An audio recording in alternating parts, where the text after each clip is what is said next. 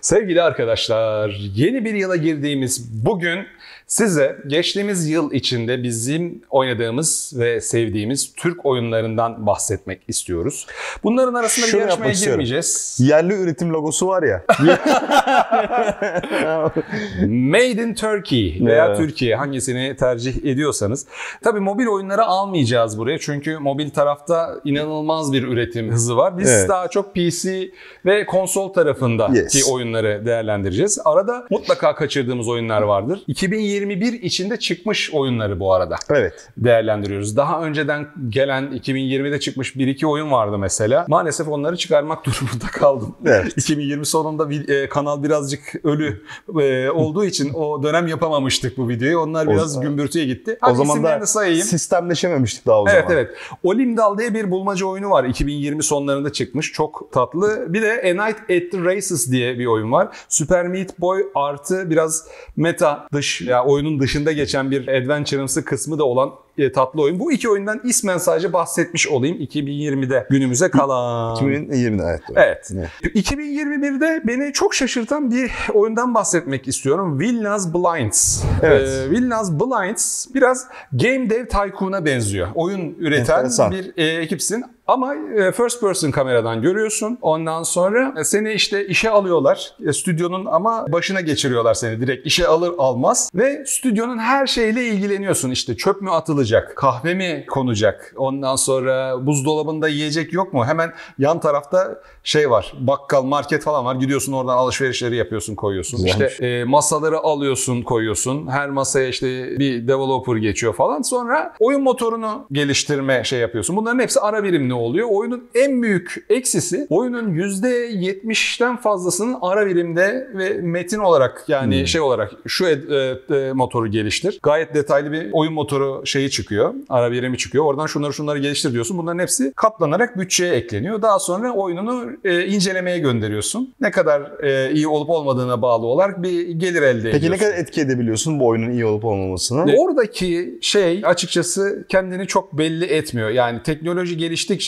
daha iyi notlar alıyorsun ama teknolojiyi geliştirmek için para gerekiyor. Para için önceki oyununun iyi olması olması gerekiyor. Yani 10 üstünden 4, 10 üstünden 5 oyunlarla başlıyorsun genellikle hayatına. O yüzden ayağınızı ya- yorganıza göre uzatmanız lazım. Mesela alt kattakiler donuyor. UFO koyuyorsunuz ısıtmak için kenara. UFO'yu kapatmanız lazım arada sırada ki Elektrik faturası elektrik faturası coşmasın. coşmasın. Böyle mini mini detaylar var. Oyunun görselliği basit. Bu ne falan diyebilirsiniz ama arka planda çalışan mekanizma, metrik çok iyi. Keşke ama keşke diyorum bu menülere gömdükleri oynanışın bir kısmını oyun içine daha yoğun olarak aktarabilseydik. Çünkü oyun içinde sizin koşuşturmanız daha çok e, işte aman kahve bitti malzeme alayım. E, bilgisayar sipariş etmiştim gideyim kapının önünden alayım falan diye o first person şeyde dolaşıyorsun. Belki şeye uygun değil. Hani bu e, arkada daha kurgulanan, daha girift olan oyun geliştirme gameplay loop'una first person çok uygun değil. Evet. Ama oyun beğenilmiş ve ultra ultra ucuz. Yanılmıyorsam 2 lira falandı yani şu anda. O zaman Steam'deki Denen, fiyatı. denensin lütfen. Denensin. Evet. Neuron Entertainment'ın ilk oyunu olarak bu benim hoşuma giden bir oyun oldu bu sene.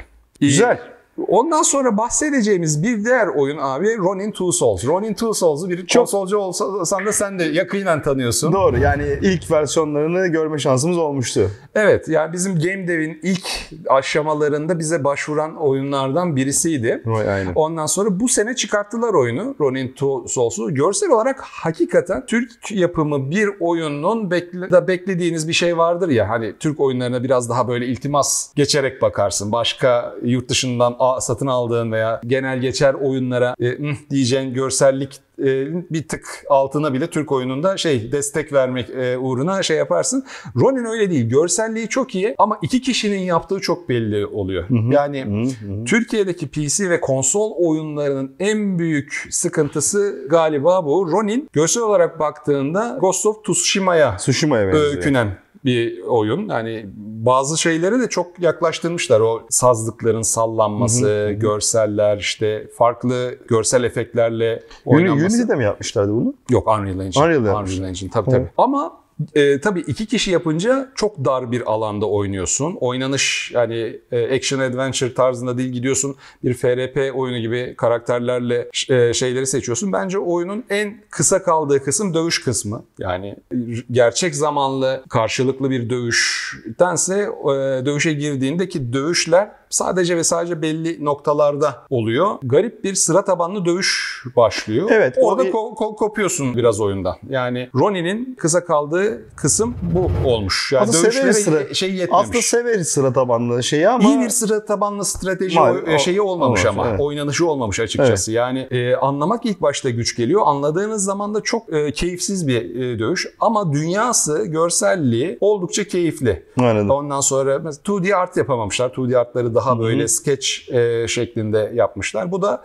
dediğim gibi çok büyük bütçeli oyunları hedef alıp kendi ayağını yorganına uzatma konusunda biraz çekingen kalan ekiplerin şey Olabilir. oluyor. Yani Evet. iyi bir iş çıkacağından eminim ben bu ekipten yakın zamanda. Bir sonraki oyunumuz da yine büyük bir PlayStation oyununa öykünen Potentia. Potentia'ya biraz uzaktan bakan birisi Aa, Last of Us diyebilir. Bir ama iki değil görselliğine. Bunda dört kişi yapmış. Dört kişilik Evet. bir ekip. Oldukça uzun bir sürede yapmışlar. Evet.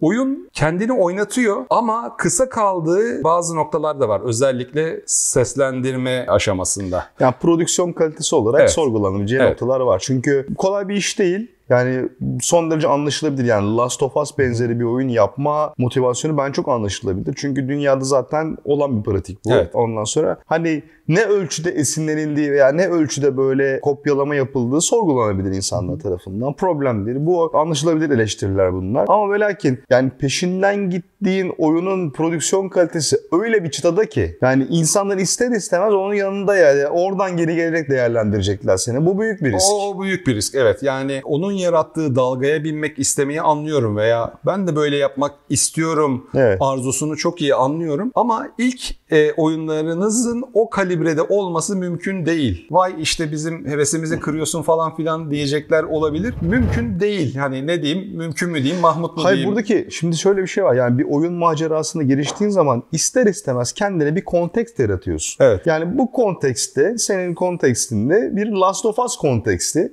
Dolayısıyla e, öykündüğün, esinlendiğin, kimi yerleri al çok belli bu çok anlaşılabilir. Bunda bir problem de yok ayrıca benim açımdan. Bunun problem olduğunu düşünmüyorum. Tabii ki öykünebilirsin. Tabii ama yarattığın konteksin prodüksiyon değeri bakımından hani zirvede olan bir yapımın arkasından gittiğin için ister istemez kendi çıtanı ve kendi standartını da ister istemez kasti olmadan oraya koymuş oluyorsun. Ve sonlara yaklaştıkça yani hakikaten nefesi tükeniyor. Ya başlarda bazı işte karakter modellerinde, çevre tasarımında vesaire aa biz de yaklaşabiliyoruz biraz e, mocap bile olmadan yani şunu şunu yapabiliyoruz diyebilirsin ama hani dikey yaparken öyle de ama oyunu yataya genişlettiğinde, Evet. Level'lar oluşmaya başladığında, bazı şeylerin birbiriyle çalışmadığını göster Evet. e, anlayıp oyunun %10, %20, %40'ını çöpe atıp yeniden yapman gerektiğinde o zaman sıkıntılar başlıyor. O Aynen. yüzden baştan yapabileceğini düşündüğünün bir tık üstü belki hani Evet. biraz daha iyisini Evet. hedeflemek iyi olabilir ama bu %250 değil de %10 %20 daha iyisini hedeflemek yapabileceğinin her zaman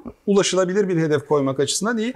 Yine de bu iki oyun Ronin ve Potentia hakikaten alınıp oynanması gereken oyunlar. Çünkü birini 4 birini 2 kişi yapmış abi yani her şey gibi. Yani mucize Tabii. gibi. Ne kadar dirayetle çalıştıklarını az çok görebiliyorsun harcanan emekten. Ben bunu bir şöyle bir örnek vermek istiyorum. Sonuçta bugün kalkıp yani küçük bir ekipte bir süper kahraman oyunu yapmaya çalışırsan da aynı şey gelecek başına. Yani günün sonunda oyuncuların çok çok büyük bir kısmı senin bu ne zorluklarla kaç kişiyle yaptığında değil son ürünle ilgilenecek. Aynen öyle. Son üründe hangi akımdan geliyorsa, hangi lineage'i temsil ediyorsa oyununda elbette ki oradan geri gelecek yorumlanacak. Tabii. Yani o yüzden e, her zaman için bindiğin kayığın riski var. Yani nasıl bir kayığa bindiğinle alakalı. Ama ben senin dediğine katılıyorum. Ondan sonra en azından yerel oyun ekosistemi içerisinde daha fazla tanınırlığa, daha fazla bir bilinirliğe hak ettiğini düşünüyorum bu Aynen. ekiplerin. Bir sonraki bahsetmek istediğimiz oyun Pound of the Dead. Aslan Aslan Game Studio'nun Evet, bu Ahmet, seneki oyunu. Ahmet Ah- Kamil Keliş'in uzunca bir zamandır üzerine çalıştığı Pound the Dead. Bence tam zamanda şey yapıyoruz, e, ele alıyoruz konu. Çünkü Switch'e çıktı ya da çıkıyor. Switch'e çıkıyor, Evet. kons- iOS'a ve Android'e çıktı bildiğim kadarıyla. Mobil versiyonları da mobil versiyonları bilmiyorum Ee, ama PC versiyonu şimdi Switch versiyonu e, geliyor ya da, ya da geldi çok bir iki gün önce.